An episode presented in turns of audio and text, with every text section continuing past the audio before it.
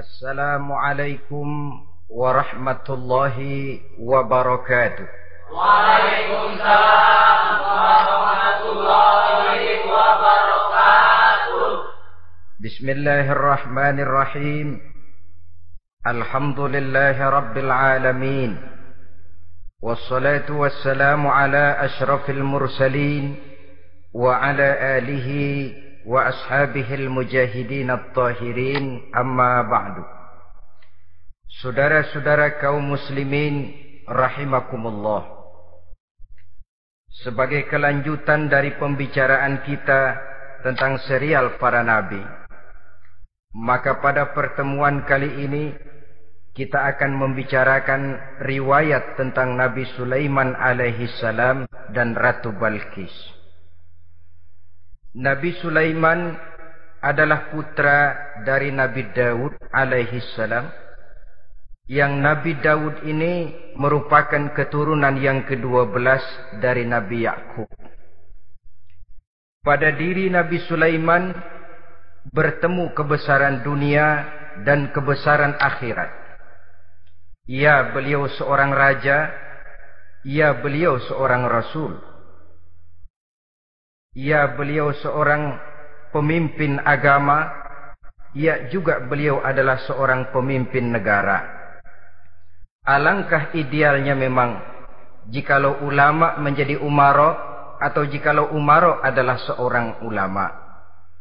Dengan posisinya sebagai ulama, maka nilai kepemimpinannya terpelihara dari segala macam bentuk penyelewengan. Dan dengan kedudukannya sebagai umaro, dia akan lebih efektif memberikan komando kepada rakyatnya untuk hidup melaksanakan perintah-perintah Allah.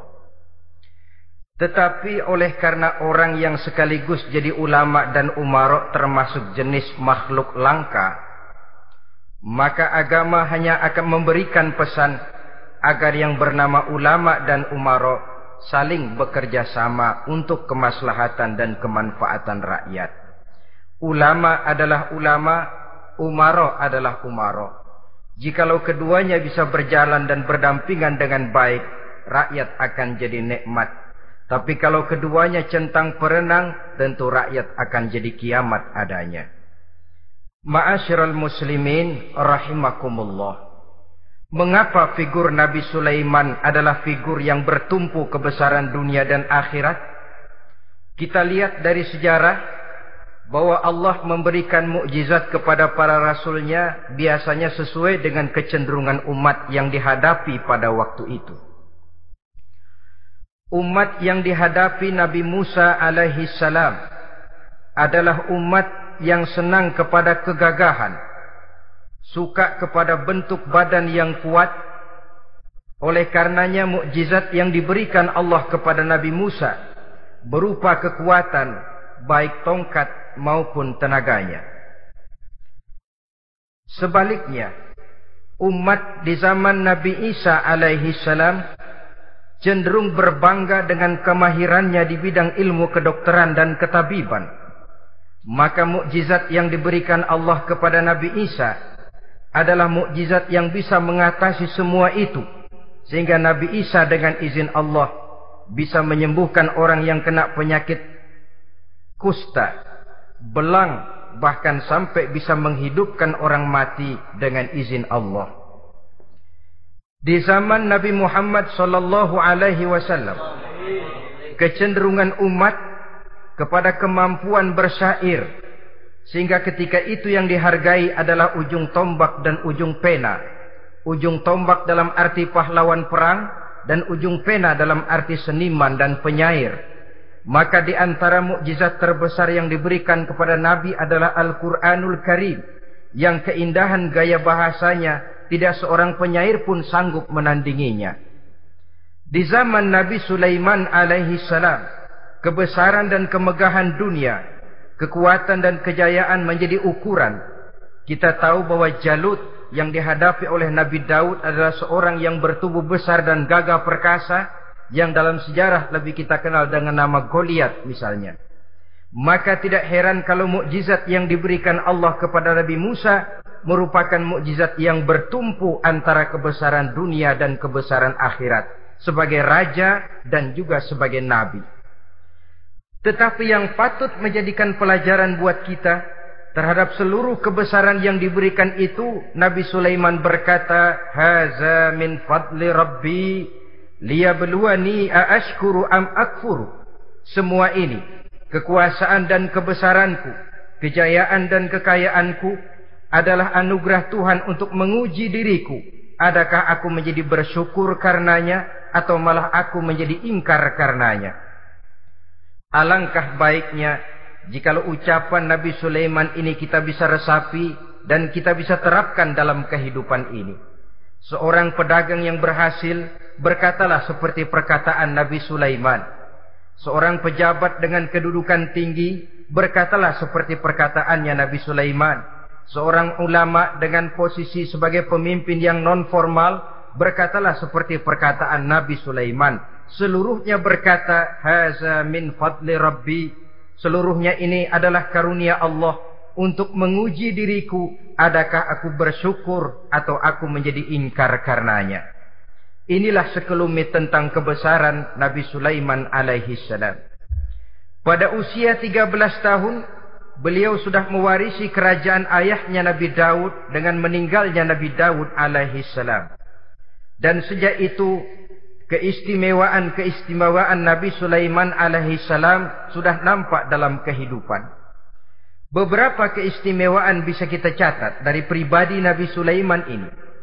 Pertama, beliau cerdik, cerdas dan bijaksana dan tentu saja harus begitu. Kalau Rasul goblok mana ada umat yang mau ikut. Tetapi kecerdikan dan kecerdasan serta sifat bijaksana ini nampak dari beberapa kisah yang pernah dihadapinya. Pertama, di saat beliau berumur 11 tahun, ketika itu yang menjadi raja adalah ayahnya Nabi Daud, datang mengadu seorang petani bahwa sawah ladangnya, tanaman-tanaman yang ditanamnya habis dimakan oleh binatang ternak dari tetangga di sebelahnya.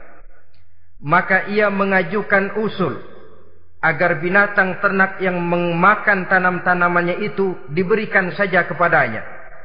Nabi Daud meluluskan permintaan petani ini, tapi Nabi Sulaiman berkata, "Ayah, maafkan saya. Kalau boleh saya mengajukan usul, jangan seluruh binatang ternak gembala itu diberikan kepada petani. Akan lebih baik kalau binatang ternak yang memakan tanam-tanamannya itu diberikan kepada si petani selama satu tahun. Apabila ia berkembang biak, beranak, hasil susunya, seluruhnya selama satu tahun itu boleh dimanfaatkan oleh petani tadi. Dengan demikian saya rasakan ini merupakan satu yang lebih adil ketimbang yang tadi itu. Keputusan Nabi Sulaiman ini diterima baik oleh ayahnya, oleh si petani, dan oleh si gembala tadi. Pada usia 11 tahun, ia sudah menunjukkan kecerdikan, kecerdasan dan sifat yang bijaksana. Contoh yang kedua. Ada dua orang ibu yang pada saat akan bekerja di ladang masing-masing menaruh meletakkan bayinya di satu tempat lalu keduanya pun asyik pergi bekerja sedang kedua ibu itu bekerja dengan asyiknya datanglah seekor serigala menerkam salah seorang anak bayi tadi dan kemudian dibawa ya. Tinggallah anak bayi seorang. Ketika kedua ibu tadi kembali ke tempat dia meletakkan anaknya, maka keduanya lalu berebut anak yang satu itu. Jadi kasus berebut bayi rupanya memang sudah ada dari dulunya.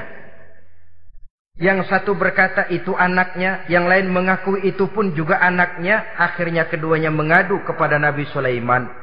Masing-masing ngotot, tidak ada yang mau mengalah. Akhirnya kata Nabi Sulaiman, kalau kamu berdua tidak ada yang mau mengalah, sudahlah begini saja. Berikan bayi itu kepada saya, akan saya belah dua supaya adil, masing-masing kamu bawa sarang sepotong. Ibu yang seorang berbinar matanya, kelihatannya gembira dengan keputusan itu.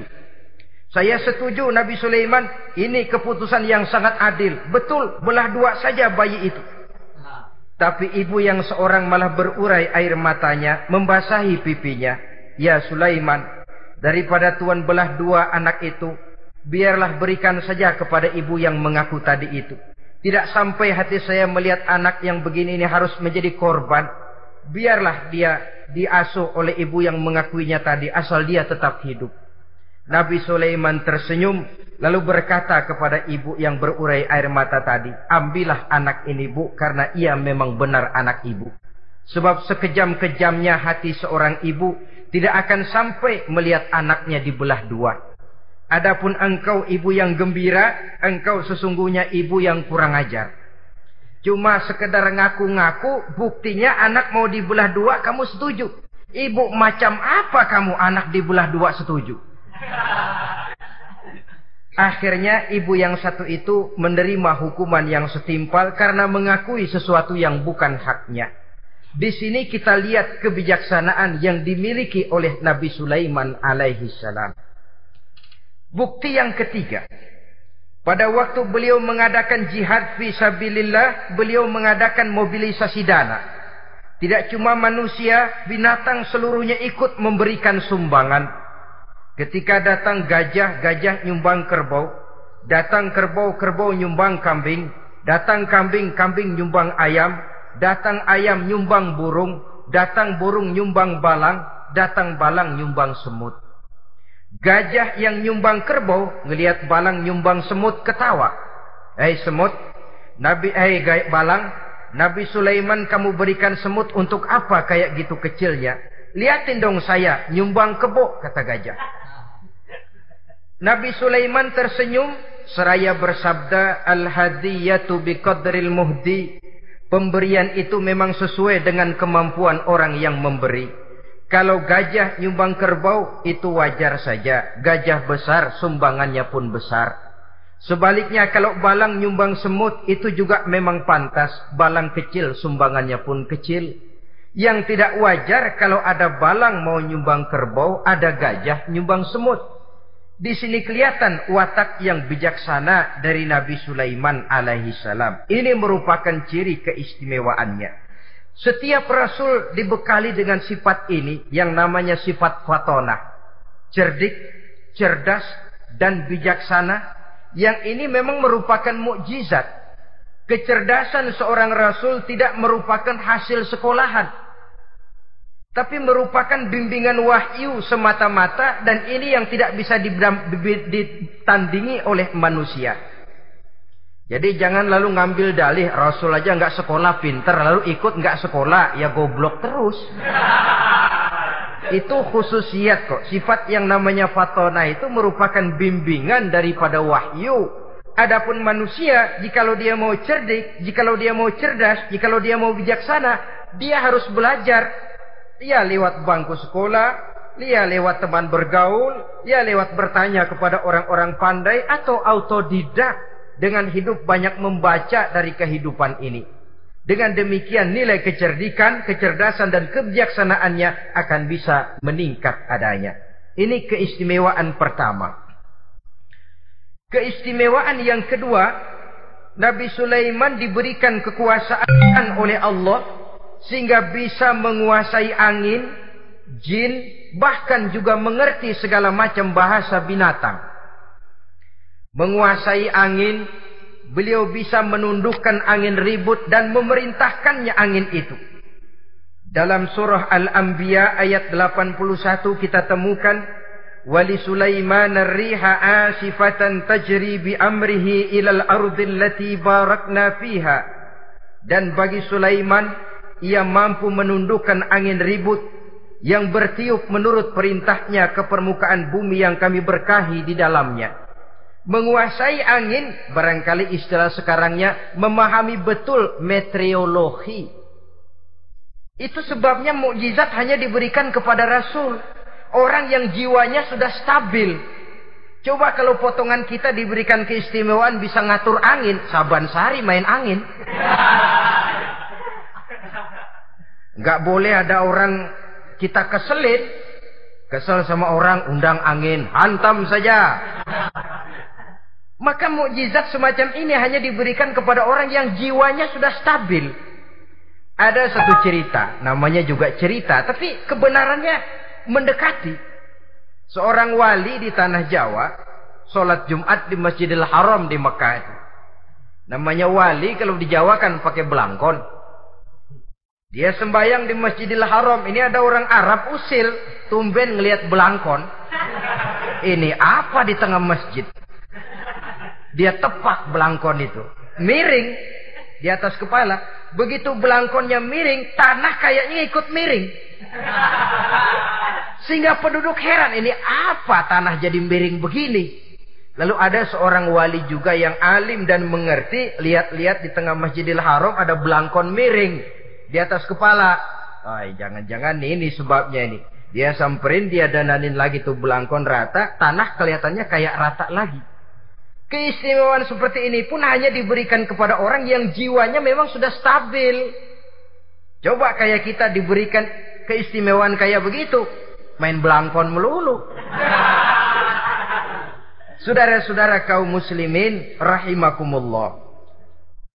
Juga bisa menguasai jin, memerintahkan jin dan juga mengerti segala macam bahasa binatang. Kita bisa lihat dalam surah As-Saba ayat 12 misalnya. Demikian juga tentang mengerti bahasa binatang. Pada satu hari Nabi Sulaiman dan bala tentaranya lewat di satu lembah. Lembah itu kebetulan lembah semut. Ketika mereka liwat di lembah itu, Raja Semut lihat dari kejauhan, dia pidato kepada rakyatnya para semut itu. Apa katanya? Ya ayyuhan namlu dukhulu masakinakum. La yahtimannakum Sulaiman wa junuduh. Wahum la yash'urun. Jadi ini Raja Semut melihat Nabi Sulaiman datang bersama seluruh bala tentaranya. Dia pidato kepada rakyatnya. Saudara-saudaraku rakyat semut, di mana saja suara saya bisa didengar. Perhatian, perhatian. Ini Nabi Sulaiman mau liwat dengan seluruh bala tentaranya. Kamu semua supaya masuk ke dalam lubang kamu masing-masing. Sebab kalau kamu enggak masuk ke lubangmu masing-masing, akan diinjak oleh Sulaiman dan bala tentaranya. Sedangkan mereka tidak tahu kalau kamu kena injak. Masuklah semut itu seluruhnya ke dalam lubangnya masing-masing. Nabi Sulaiman senyum. Fatabassama dhahikam min qawliha. Mendengar ucapan Raja Semut ini, Nabi Sulaiman tersenyum. Lalu berkata, apa katanya? Rabbi auzi'ni an ashkura ni'mataka allati an'amta alayya wa ala walidayya wa an a'mala salihan tardahu Wadkhilni birahmatika fi ibadika salihin. Satu pengakuan yang tulus yang jauh dari watak kesombongan. Mendengar Raja Semut berkata semacam itu, beliau senyum. Lalu berkata, wahai Allah, tetapkan kiranya hati saya ini untuk selalu bersyukur terhadap nikmat yang engkau karuniakan kepada saya. Karena nikmatku, nikmat yang engkau berikan kepadaku, saya mengerti bahasa binatang. Karena mengerti bahasa binatang, saya mengerti seruan Raja Semut itu. Tetapkan saya untuk selalu bersyukur ya Allah atas nikmat yang engkau berikan ini. Atas nikmat yang engkau berikan kepada kedua orang tua saya. Dan tetapkan saya untuk selalu melakukan amal soleh yang engkau ridhoi. Dan masukkan saya ke dalam golongan hamba-hambamu yang soleh. Satu pengakuan yang tulus. Yang jauh dari sifat kesombongan.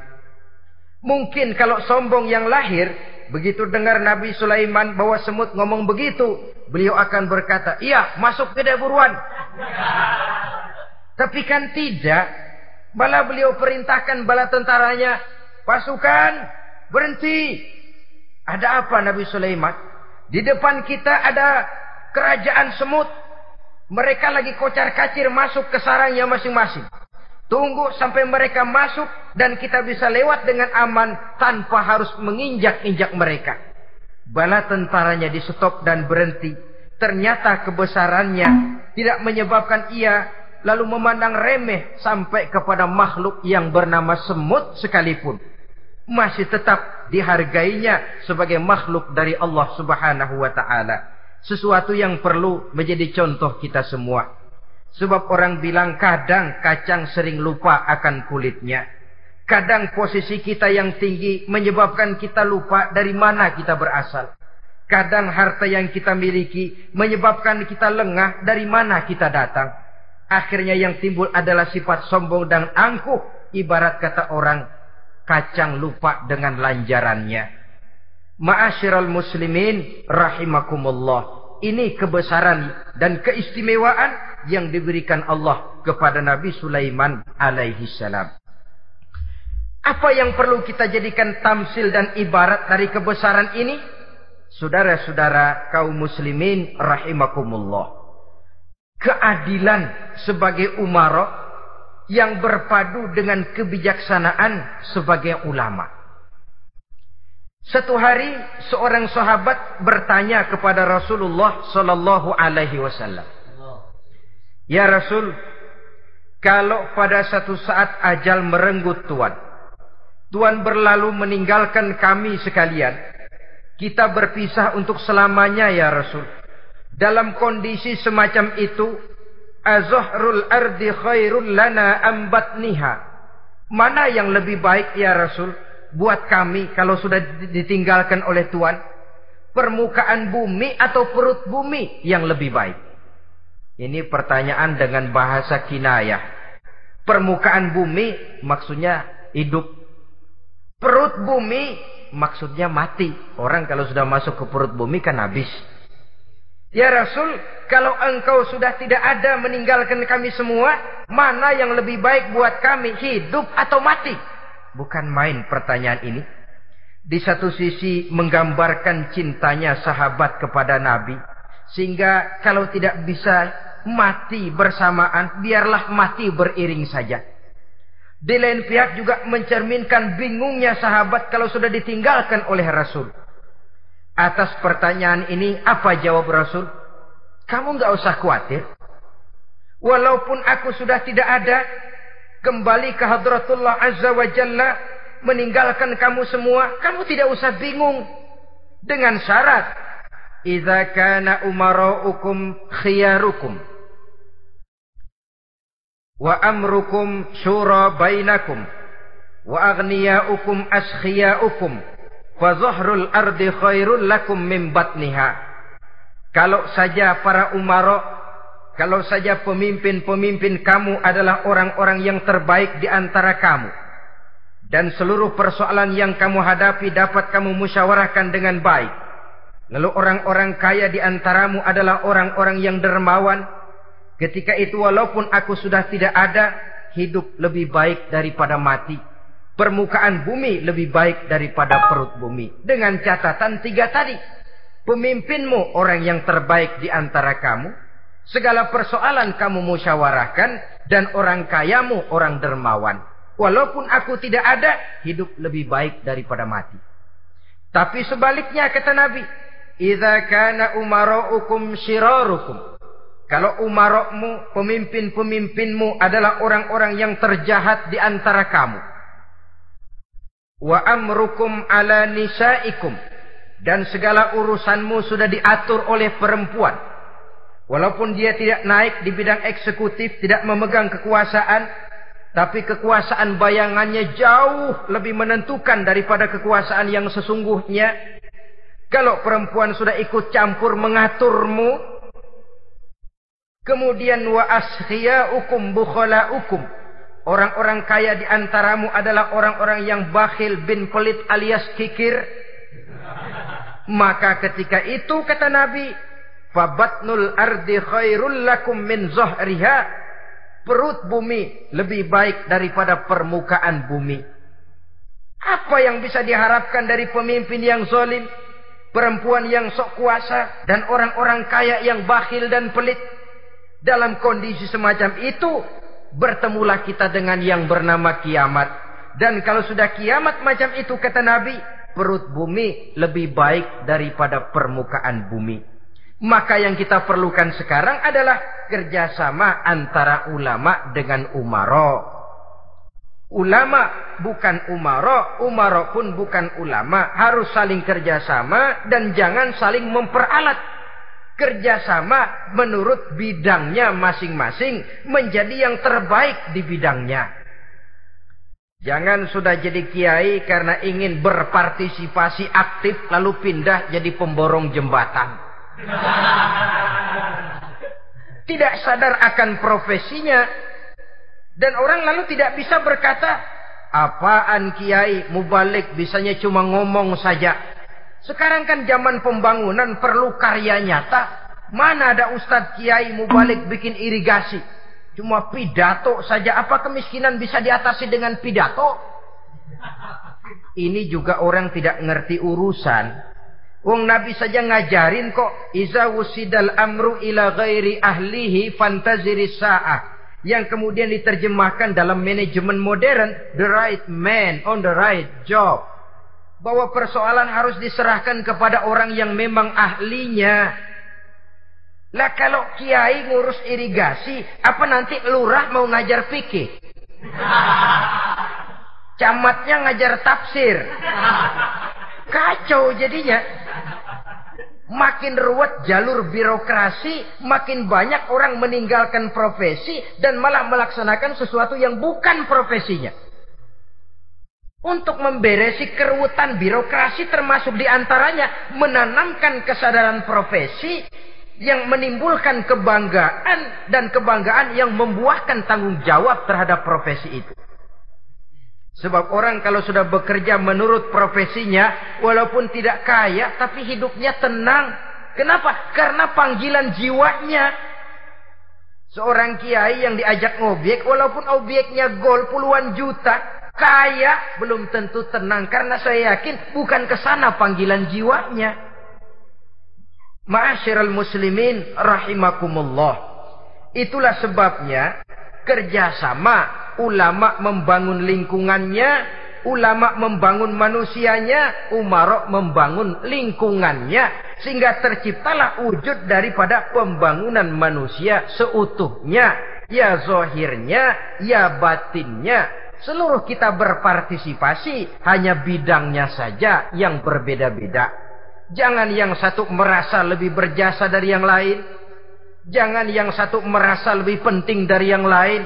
Seluruh kita penting, seluruh kita berjasa, cuma bidang kita saja yang berbeda-beda. Inilah bahasa Quran, kullun ya'mal ala syakilatih. Setiap orang bekerja menurut profesinya masing-masing.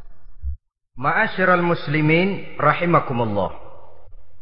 Kita kembali kepada riwayat Nabi Sulaiman alaihi salam. Satu hari ketika beliau sedang menginspeksi pasukan, berkumpullah pasukan beliau itu, ya tentara yang manusianya, ya pasukan jinnya, ya seluruh binatang-binatangnya berbaris. Beliau selaku inspektur upacara mengadakan inspeksi pasukan. Dari sekian pasukan-pasukan yang diperiksanya pada waktu itu, Nabi Sulaiman melihat tidak terdapat burung hudhud. Beliau bertanya-tanya, "Malia aral hudhuda am kana minal ghaibin?" Ke mana burung hudhud? Orang lain pada kumpul dia sendiri tidak ada. Awas kalau dia datang, kalau dia tidak bisa memberikan alasan yang tepat ke mana dia, akan saya berikan sanksi dan hukuman. Ini namanya pemimpin yang bertanggung jawab toh. Seorang pun dari yang dipimpinnya tidak ada menjadi pertanyaan. Tidak lama kemudian datang burung hudhud. Begitu datang lalu memberikan laporan kepada Nabi Sulaiman. Kalau istilah sekarang begitu dia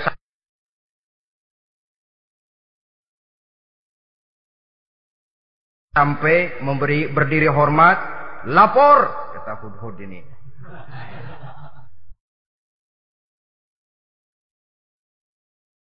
Bagaimana Hudhud? Maaf Tuan Raja, saya terlambat. Iya, kenapa terlambat? Patroli Tuan Raja. Ke mana saja kamu patroli? Keliling. Lalu apa hasilnya? Inni wajadtu ra'atan tamlikuhum wa utiyat min kulli syai'in wa laha arsun azim. Saya baru patroli ke satu negara yang bernama Sabah, Tuan Raja. Sabah, saudara tahu Sabah? Di mana itu? Dekat ibu kota Yaman sekarang. Di sana Tuan Raja, kata Hud-Hud ini, wajadtum ra'atan tamlikuhum. Yang jadi raja perempuan. Kalau Tuan raja besar, Tuan orang laki. Ayah Tuan raja besar Nabi Daud laki. Ini mah model Tuan raja. Orangnya rajanya raja besar tapi perempuan. Tumben saya ngelihat ada raja perempuan. Kerajaannya begitu besar. Hmm, begitu. Iya. Lalu dia jadi raja bagaimana? Ya mewarisi kerajaan ayahnya Sri Baginda Raja Sarahil. Ketika ayahnya wafat, dia naik. Walaha arsun azim. Singgasananya besar, bagus, antik Tuan Raja. Terus bagaimana lagi? Wajadtuha wa qawmaha yasjuduna lisyamsi min dunillah. Yang jadi pikiran saya Tuan Raja, dengan kekuasaan yang besar, mereka itu seluruhnya, seluruh bala tentaranya dan kaumnya, yasjuduna lisyamsi. Mereka menyembah matahari, bukan menyembah Allah.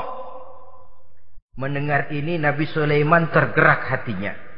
Waktu mendengar rajanya perempuan kekuasaannya besar belum tergerak. Tapi ketika sampai kepada yasjuduna lisyamsi, mereka sujud ke mata, kepada matahari, di situ pribadi seorang rasulnya tergerak. Siapa nama ratu itu? Namanya Ratu Balkis Tuan Raja. Hmm. Begini, Hud-Hud. Laporan kamu saya terima. Alasan kamu datang terlambat bisa dipertanggungjawabkan. Kamu tidak kena hukuman. Cuma begini saja, Hud-Hud. Karena kamu yang laporan, kamu yang tahu lokasi negaranya, kamu yang harus melaksanakan tugas ini. Apa Tuan Raja? Idhab bi kitabi hadha fa'alqih ilaihim. Kamu berangkat lagi ke negeri Sabah, bawa surat saya, berikan kepada mereka. Umma tawalla anhum. Kemudian kamu berpaling dari mereka, tapi jangan pulang. Fanzur maza yarji'un. Lihat apa reaksi mereka setelah menerima surat ini. Baik Tuan Raja, baik. Nabi Sulaiman menulis sepucuk surat kepada Ratu Balkis dan surat itu dibawa oleh burung hud-hud tadi. Terbanglah si burung hud-hud ini ke negeri Sabah, masuk ke istana Ratu Balkis dan surat itu jatuh di kamar Ratu Balkis. Diambil surat tadi kemudian dibaca. Apa isi suratnya? Innahu min Sulaiman wa innahu bismillahirrahmanirrahim. Alla ta'lu alayya wa'tuni muslimin. Surat ini dari Sulaiman. Bismillahirrahmanirrahim. Jangan kamu merasa lebih tinggi dari aku. Datanglah kepadaku dan masuk ke dalam agama Islam. Suratnya singkat, padat, ultimatum. Jadi nggak pakai bahasa kembang, nggak pakai bahasa basi, langsung kepada isi. Surat ini dari Sulaiman. Bismillahirrahmanirrahim. Jangan kamu merasa lebih tinggi dari aku. Datanglah kepadaku dan masuklah ke dalam agama Islam. Ini yang disebut dakwah langsung tanpa pakai kembang. Saudara-saudara, menerima surat semacam ini, Ratu Balkis lalu ngumpulin para pembantu kerajaan, aparat pemerintah lah zaman sekarang. Termasuk menteri-menteri dipanggil sidang darurat di istana Ratu Balkis membahas datangnya surat dari Nabi Sulaiman alaihissalam. Tuan-tuan para menteri, bagaimana Sri Ratu? Saya dapat surat dari mana? Dari Sulaiman. Katanya apa? Jangan kamu merasa lebih hebat dan lebih tinggi dariku. Datanglah kemari dan masuklah ke dalam agama Islam. Menurut pendapat tuan-tuan menteri bagaimana surat ini? Apa kita penuhin permintaannya? Kita datang rame-rame masuk Islam? Oh, kata menteri jangan dulu tuanku. Gengsi dong. Kita ini kan kerajaan besar. Tentara kita gagah. Masa mau menyerah tanpa syarat? Soal nanti kita kalah atau menang itu soal lain, Tuan Perdana Tuan Ratu. Tapi bahwa kita punya harga diri itu harus kita tunjukkan lebih dulu. Jadi menurut Tuan Menteri bagaimana? Kami sih nunggu komando Tuan Putri saja. Artinya kalau boleh perang saja. Cuma mau duluin takut dikiranya longcong. Kami sih gimana komando Tuan Ratu saja. Tuan komando kan berangkat, kami segera berangkat. Terserah Tuan Putri, kami seluruhnya loyal taat dan setia menunggu titah dari Sri Paduka Ratu. Hmm, terima kasih para menteriku. Soal kesetiaanmu saya tidak meragukan. Tapi perang di mana pun selalu membawa kerugian. Kita menang rugi tentu jatuh korban. Apalagi kalau kita kalah. Dan raja-raja yang mengalahkan negeri-negeri lain selalu membawa kehinaan kepada negeri yang dikalahkannya. Jadi bagaimana? Sekarang begini saja. Kita ambil jalan tengah. Lalu diplomasi dulu. Diplomasi macam apa Tuan Ratu? Kita kirim utusan kepada Nabi Sulaiman.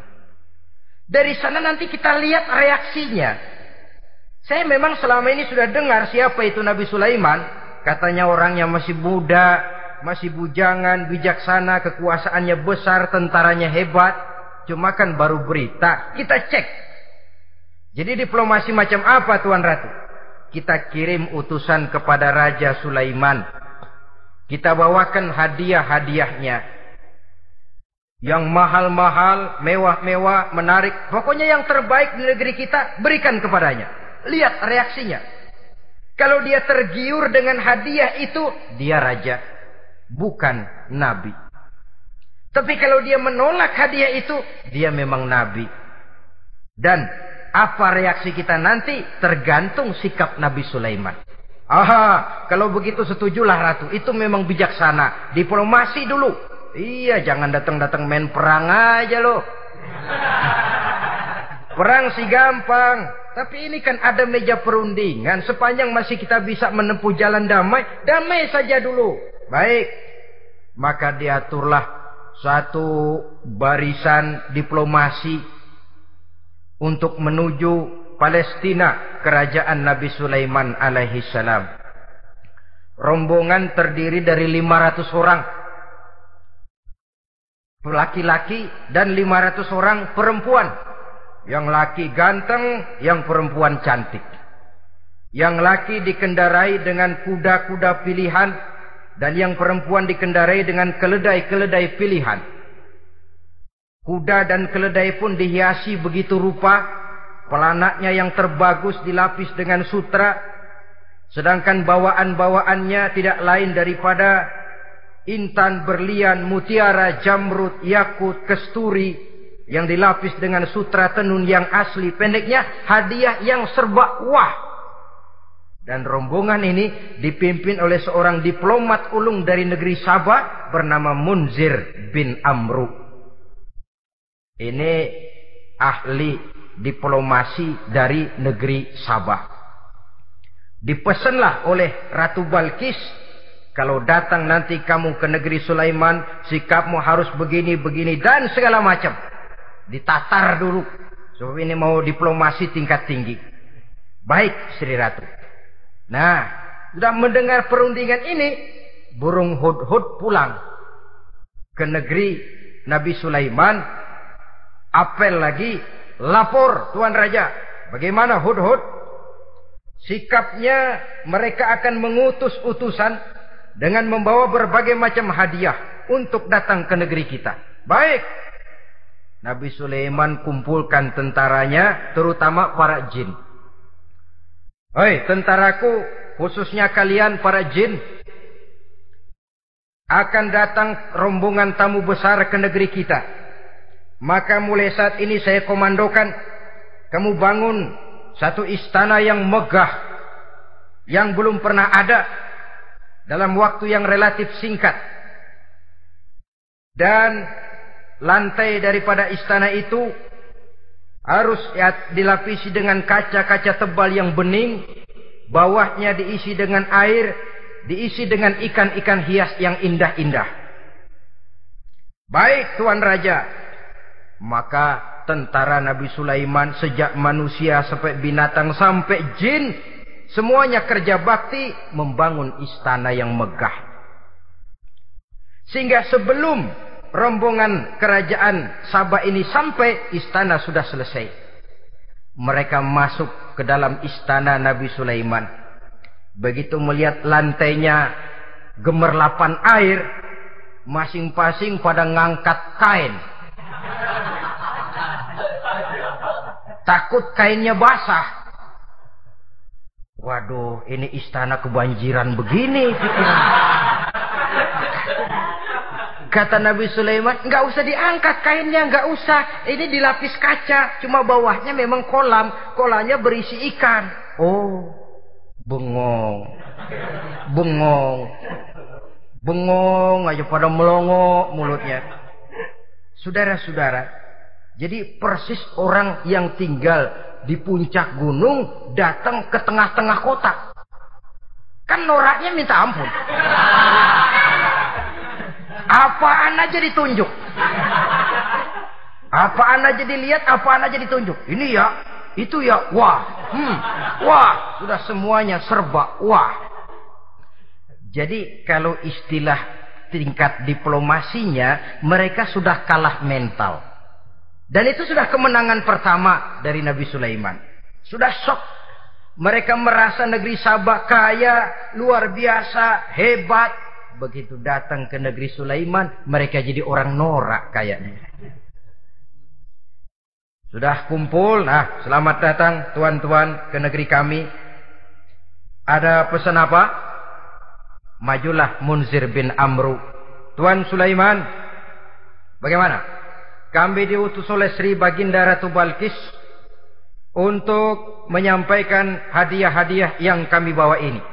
Intan, berlian, yakut, jamrut, kesturi, dan barang-barang mahal lainnya. Mudah-mudahan Tuhan bisa menerima dengan senang hati. Nabi Sulaiman tersenyum.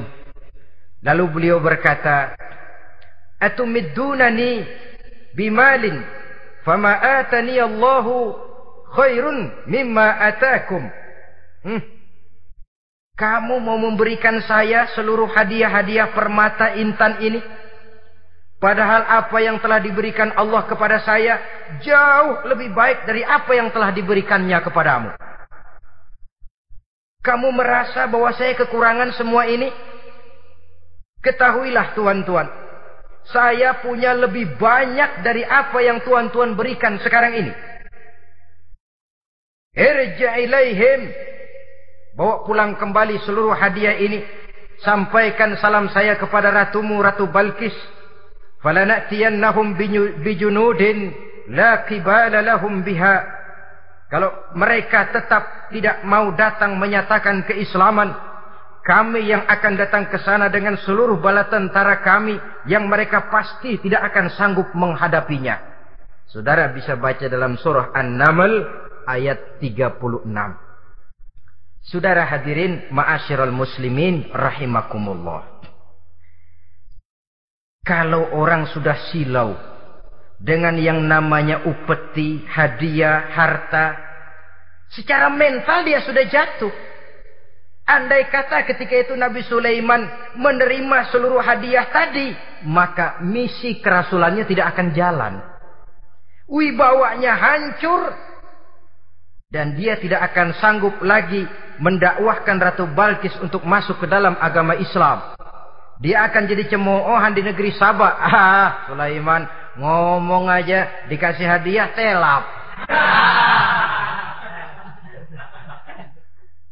Nah, Ternyata ada yang lebih mahal dari harta. Ada yang lebih mahal dari intan dan mutiara. Ada yang lebih mahal dari pangkat dan kedudukan. Apa dia? Harga diri. Dan itu yang langka sekarang ini.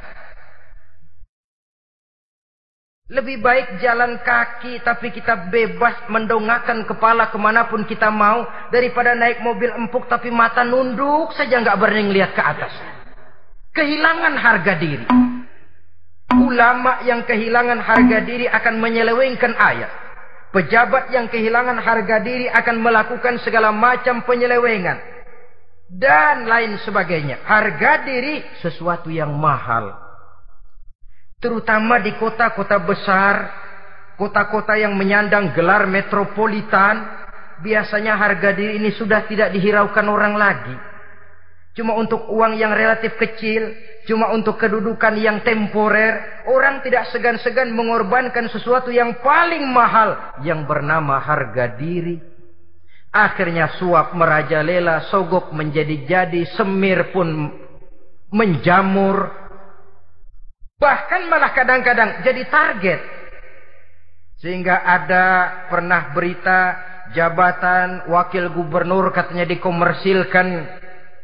Siapa yang bisa memberikan sekian puluh juta dia akan naik. Ini kalau sudah begini ya salam. Orang itu kalau memperoleh satu jabatan karena mengeluarkan banyak uang, Percayalah saudara, begitu dia naik ke jabatan itu, langkah pertama yang dia lakukan bagaimana supaya uangnya bisa kembali. Bukan bagaimana bekerja sebaik-baiknya, bukan bagaimana mensejahterakan rakyat sebaik-baiknya, karena dia merasa naik jabatan banyak mengeluarkan uang, setelah dia naik, gimana supaya pulang modal dulu. Lebihnya kalau ada, baru bekerja buat rakyat. Itu pun kalau nggak keburu pensiun. Kadang-kadang malah lebih celaka lagi kalau sudah mau pensiun baru bikin pemutihan. Wah saya baru rajin etikaf di masjid, pergi haji. Kenapa? Udah pensiun. Tapi waktu masih aktif, tanda tangan masih laku, nota masih dihargai, kata belece masih berwibawa, lupa berbuat untuk hari depan dirinya sendiri, yaitu akhiratnya konon lagi untuk umat dan agamanya. Jadi untuk mengabdi, berbuat baik kepada umat, berkhidmat kepada agama, etikaf di masjid, tuan-tuan, tidak usahlah nunggu sampai pensiun. Manfaatkan posisi yang tuan-tuan punya sekarang ini untuk beribadah dengan sebaik-baiknya. Itu pun masih bersyukur, masih bisa mengadakan pemutihan daripada tidak sama sekali. Cuma alangkah akan lebih efektifnya lagi kalau itu diawali pada saat kita masih mempunyai posisi kunci. Ini reaksi Sulaiman, saudara-saudara. Diberikan hadiah yang mahal atau midunani bimalin. Kamu mau nyogok saya dengan hadiah ini yang diberikan Allah lebih hebat dari yang kau bawa sekarang ini. Apa yang saya cari? Oleh Allah saya telah diberikan sesuatu yang lebih besar dari yang kau bawa. Sudah, bawa pulang saja. Sampaikan salam kepada ratumu. Kalau dia tetap ngotot tidak mau kemari, saya yang akan datang ke sana dengan seluruh bala tentara yang saya yakin sampean akan kewalahan ngadepinya. Pulang, sampaikan salam saya, bawa seluruh hartamu. Diplomasi tahap pertama menang total. Nabi apa utusan Raja Sabah sudah kalah mental, kalah juga fisik. Pulanglah mereka dengan membawa kembali seluruh hadiah yang mereka ingin sampaikan tadi. Bisa dibayangkan mentalnya. Ya. Sama juga kita sudah punya niat ingin memberikan menyogok seseorang. Tahu-tahu yang mau disogok nggak nerima. Pulang kayaknya muka kan belipet. Sulit ketemu orang. Jadi perasaan kita orang pada ngetawain aja. Padahal orang mah nggak tahu persoalannya. Tapi sikap mental sendiri itu. Jadi memang saudara-saudara ini berkaitan. Walaupun yang mau nyogok banyak, kalau yang disogok nggak mau, nggak jadi. Walaupun ada yang minta disogok, kalau yang mau nyogok nggak ada, juga nggak nyetel. Nah ini nyetel yang mau nyogok banyak, yang disogok pun ada. Jadilah perbuatan itu. Ma'asyiral muslimin rahimakumullah. Sampai mereka di kerajaan Sabah, mereka ceritakan itu. Ratu Balkis bengong. Ternyata yang saya dengar selama ini memang benar rupanya.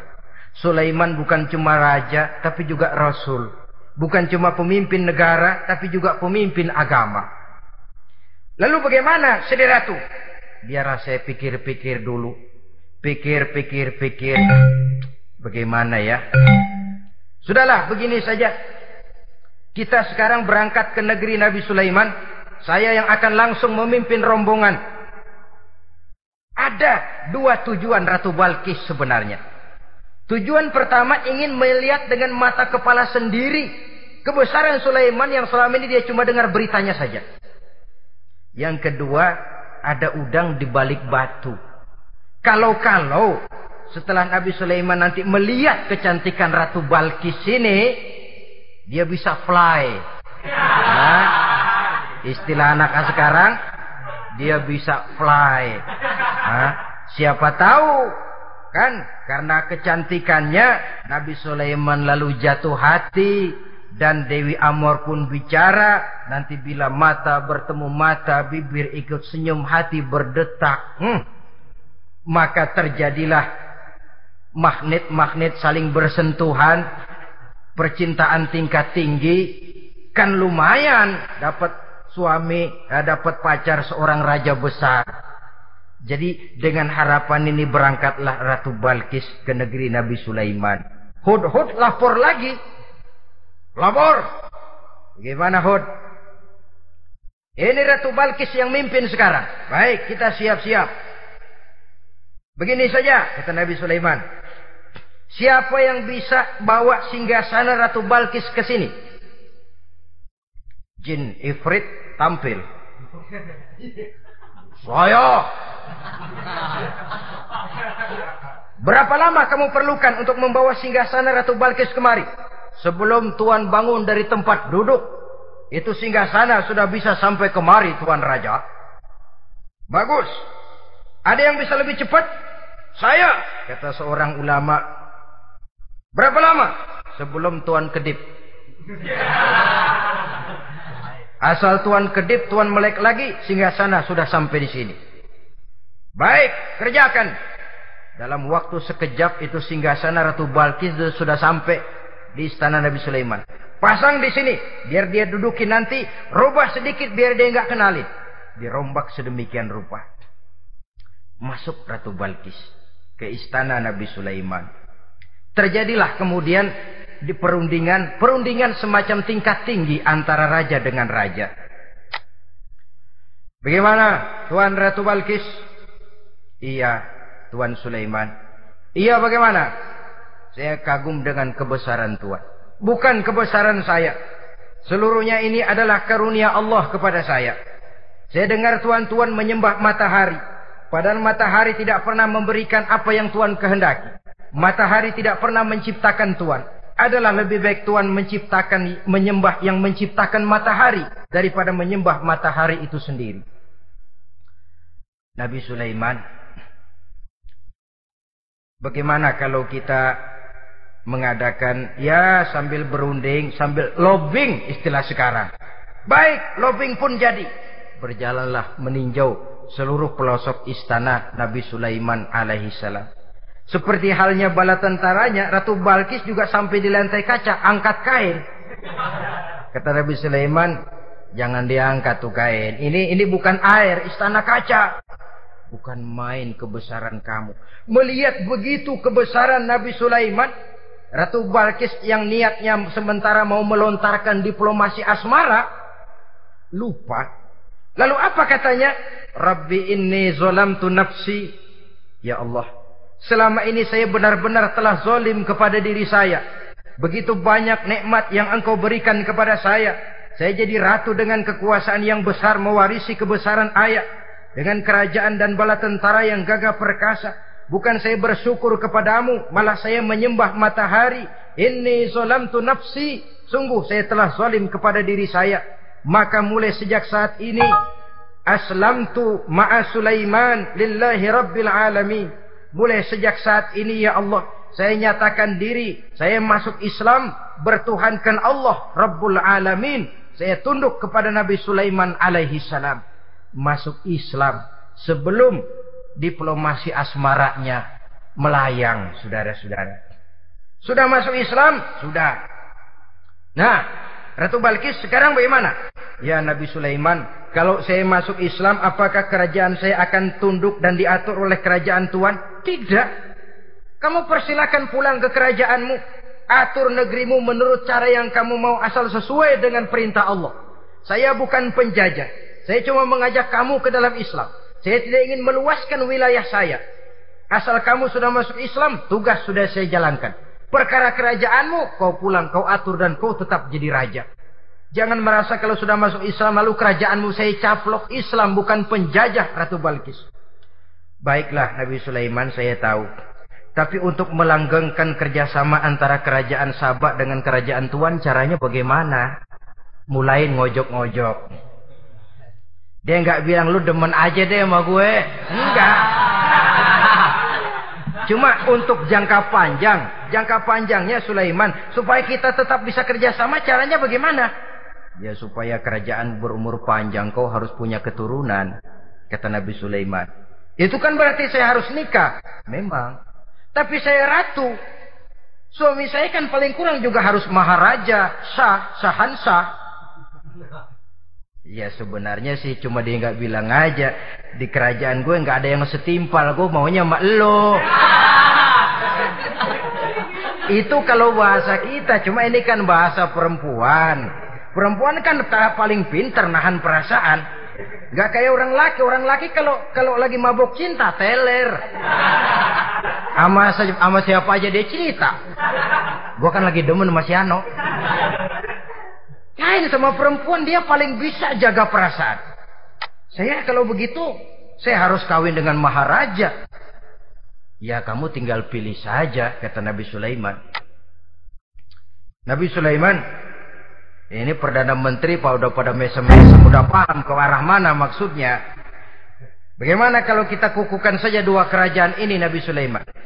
Saya pun setuju kalau itu kamu mau punya mau. Wah ini Perdana Menteri takbir semua. Allahu Akbar. Alhamdulillah. Alhamdulillah. Sampai akhirnya Nabi Sulaiman pun menikah dengan Ratu Balkis. Bergabunglah dua kerajaan besar itu. Saudara-saudara kaum muslimin rahimakumullah. Kemudian setelah bertahun Nabi Sulaiman wafat. Tidak seorang pun tahu karena beliau wafat sedang pegangan tongkat. Ketika tongkat dimakanin rayap, rapuh, baru beliau jatuh. Orang tahu kalau Nabi Sulaiman sudah wafat. Menurut riwayat beliau wafat itu sedang sholat. Karena sholat Nabi Sulaiman cuma diri saja. Tidak pakai ruku dan sujud. Menurut riwayat lain beliau sedang memandori jin dan tentaranya yang sedang kerja. Begitulah wafat beliau kita bisa baca dalam surah Saba ayat ke-14.